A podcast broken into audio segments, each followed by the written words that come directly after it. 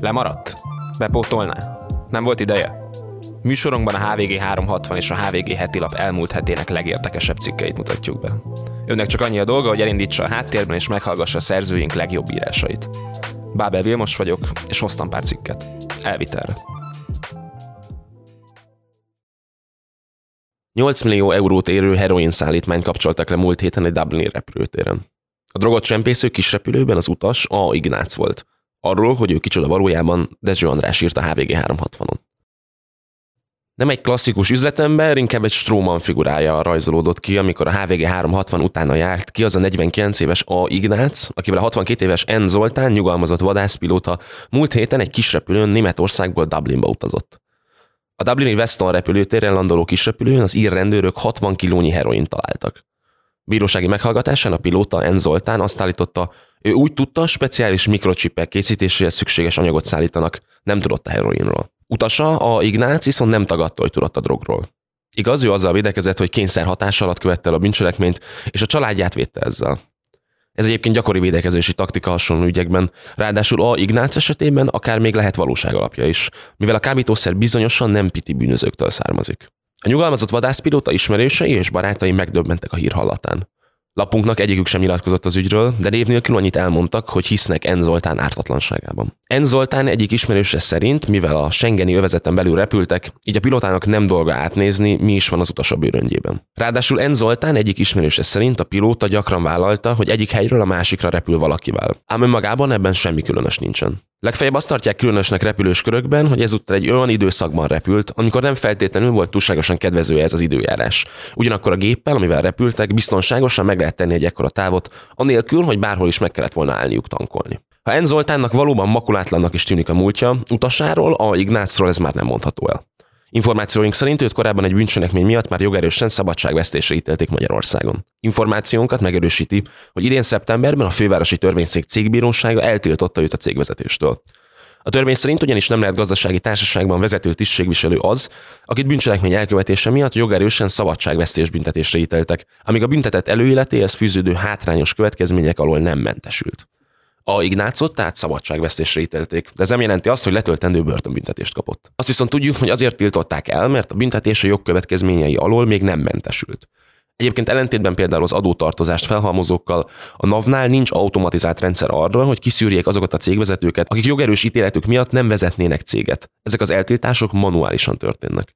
Ez lehet az oka annak, hogy a cég nyilvántartás esetleg még nem minden gazdasági társaságnál törölte A. Ignácot, mint cégvezetőt. De A. Ignácnak amúgy sem volt jó időszaka. Tavaly ősszel egy végrehajtási eljárás során a Nemzeti Adó és Vámhivatal egy másik cégében lefoglalta a 3 millió forintos üzletrészét. Jó lehet, A. Ignác nevével több vállalkozásnál is találkoztunk, nem tűnik egy klasszikus értelemben vett üzletembernek. Többnyire kényszertörtlés vagy felszámolás alatt álló gazdasági társaságokban bukkant fel tulajdonosként, ügyvezetőként. A férfi állandó lakcím egy kecskeméti panellakásban van. Céges ügyei feltérképezése során találtunk rá egy nyírségi építőipari vállalkozásra, ami 2022 elején az ő és egy másik férfi tulajdonába került.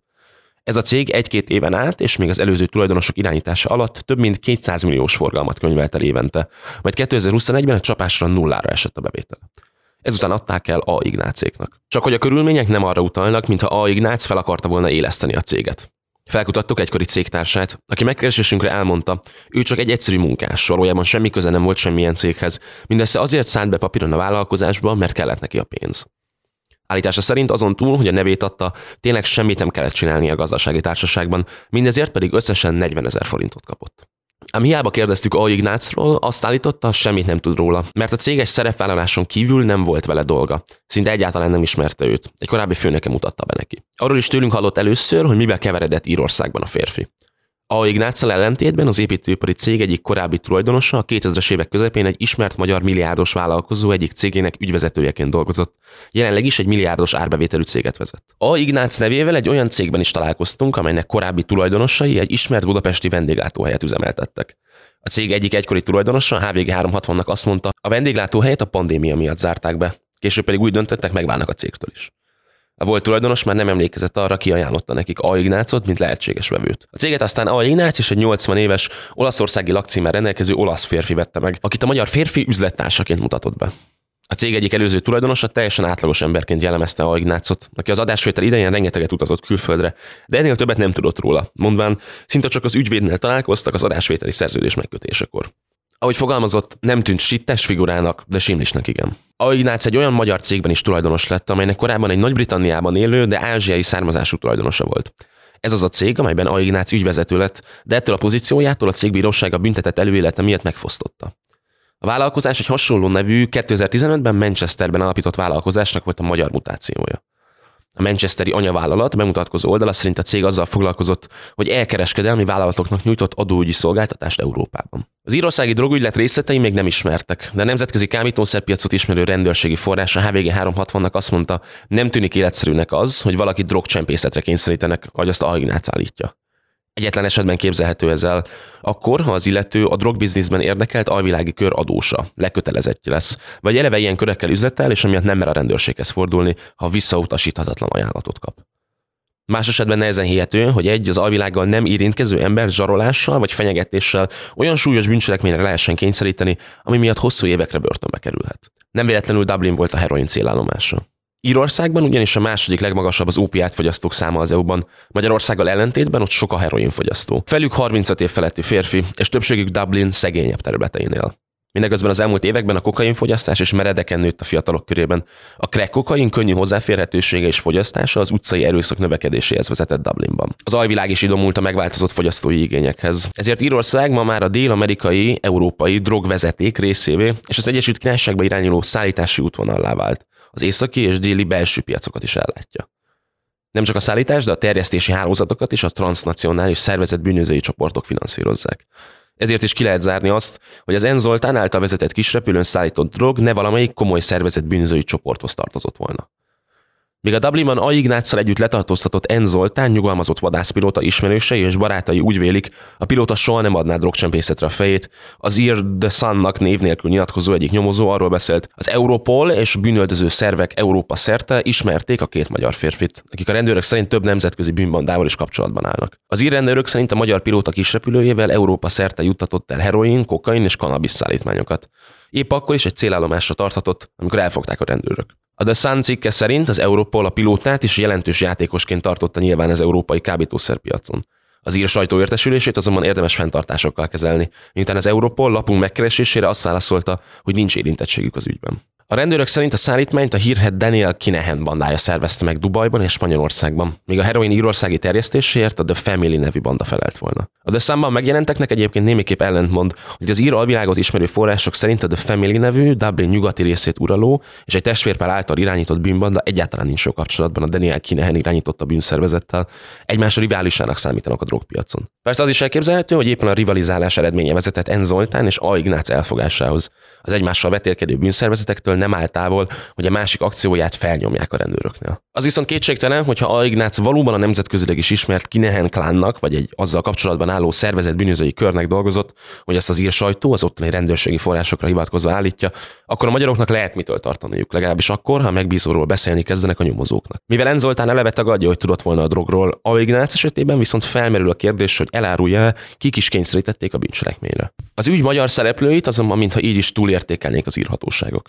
Ahogy a cikkben már utaltunk rá, A. Ignác magyarországi üzleti tevékenysége nem egy jó módú vállalkozóról árulkodik. Ezen kívül hazai rendőrségi források lapunknak azt mondták, hogy bár vannak olyan magyar állampolgárok, akik a nemzetközi drogkereskedelemben a hatóságok látókörébe kerülnek, a Ignác neve eddig ezekben a nagypályás körökben nem merült fel. Önmagában az ismerősei által említett gyakori külföldi utazásai sem jelentik feltétlenül azt, hogy drogcsempészettel foglalkozna, de a Dublinban történtek miatt a korábbi utazásai is fontosak lehetnek a rendőrségnek, akár csak a külföldi kapcsolatai. Kérdés persze, hogy milyen erős bizonyítékok állnak az ír rendőrség rendelkezésére N. Zoltáról és A. Ignácról, amelyeket eddig a nyilvánosság még nem ismerhetett meg. És kettejük közül ki az, aki a megbízókkal kapcsolatban állhatott. A két férfi elfogása ugyanis nem véletlenül történt, hanem egy jól megtervezett rendőrségi művelet eredménye. Így egészen biztos, hogy legalább az egyikük egy ideje már rendőrségi megfigyelés alatt áll. Ez viszont az íreknek a német hatóságok együttműködésére is szükségük volt, mivel a magyarok Németországban repültek Írországba. Így az sem lenne meglepetés, ha a letartóztatásukat újabb elfogások követnék Európában. Közeleg az év és műsoraink őszi évadjainak a vége. Éppen ezért elindult a HVG Podcastok 2023-as hallgatói kérdőíve. Akár rendszeresen, akár csak olykor-olykor hallgatja az adásainkat, számítunk a véleményére. Ha van 5-10 perce, kérjük, töltse ki a felmérést a műsor leírásában, és vegyen részt a tartalomfejlesztésben. Köszönjük! Egy nemrég előkerült hangfelvételen súlyos vádakat fogalmaz meg az osztrák parlament elnökével szemben egy korábbi, elhunyt, talán öngyilkos lett főhivatalnok. A parlamenti elnök egyelőre a helyén van, és tovább élvezi a kormánypárt vezetője Karl Nehammer kancellár bizalmát. Földvári Zsuzsa írása Bécsből. Azt mondják a beavatottak, hogy az osztrák parlament elnöke, Wolfgang Szobotka, ha a politikai feszültségét le akarja vezetni, akkor hazamegy szülővárosába, az alsó ausztriai Weidhofenbe, ahol egykoron polgármester is volt. Átveszi a város zenekarának dirigálását, és ettől megnyugszik. A 67 éves politikus, aki egykoron igazgatója is volt a helyi zenei iskolának, most igazán rászorul a megnyugtató muzsikára. Alig egy hete kellemetlen hangfelvétel került a nagy osztrák újságok birtokába, amelyen Szobotkát szídja az igazságügyi minisztérium évtizedeken át korlátlan hatalmú főosztályvezetője. A felvétel a Bécsi belváros egy előkelő olasz éttermében készült 2023. júliusában. Az előadó Christian Pilnacseket két nappal azelőtt temették, hogy a felvétel nyilvánosságra került. Pilna csak 2020-ban vesztette el állását, amikor megalakult a keresztény demokrata környezetvédő pártok koalíciós kormánya. A hírek szerint mindig is a konzervatív osztrák néppárt közeléhez tartozó, formálisan független főtisztviselő állítólagos intervencióit, sugásait elégelte meg a zöldek fiatal igazságügyi minisztere Alma Zadic, akinek sikerült előbb kevésbé befolyásos pozícióba helyezni Pilnacseket, aztán felfüggeszteni őt állásából. A nagy hangú, magabiztos szuperjogász, az utóbbit mindenki elismerte róla, megrendült. Egyre kétségbe esett ebben harcolt pozíciója visszaszerzéséért. November 19-én este részt vett a Bécsi Magyar Nagykövetség fogadásán. Vidéki otthonába menet a Steyer rendőrök szondáztatták.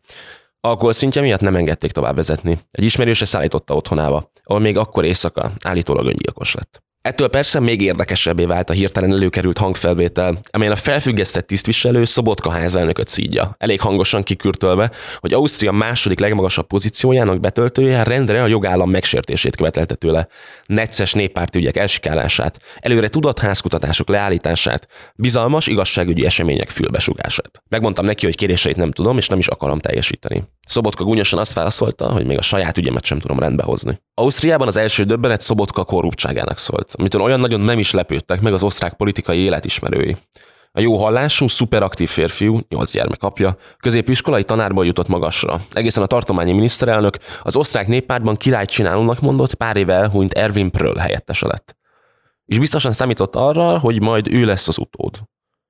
Néhány Gixer azonban becsúszott a példátlan karrierbe. Tartományi lakásépítési kötvényeket adott el nyereség reményében pénzintézeteknek, a siker helyett azonban, mint hírlik, az akció 1 milliárd eurós veszteséggel zárult. Pröll ki is használta az alkalmat, büntetésből Bécsi belügyminiszternek küldte el helyettesét, helyébe pedig az addigi belügyért a szintén alsó ausztriai Johanna Mikkel Leitner tette. A szorgalmas Szobotka új lendülettel látott 2016 áprilisában a belügyminiszterséghez. Mindenek előtt a rendőri állomány fegyelmének megerősítését, anyagi helyzetének javítását szorgalmazta.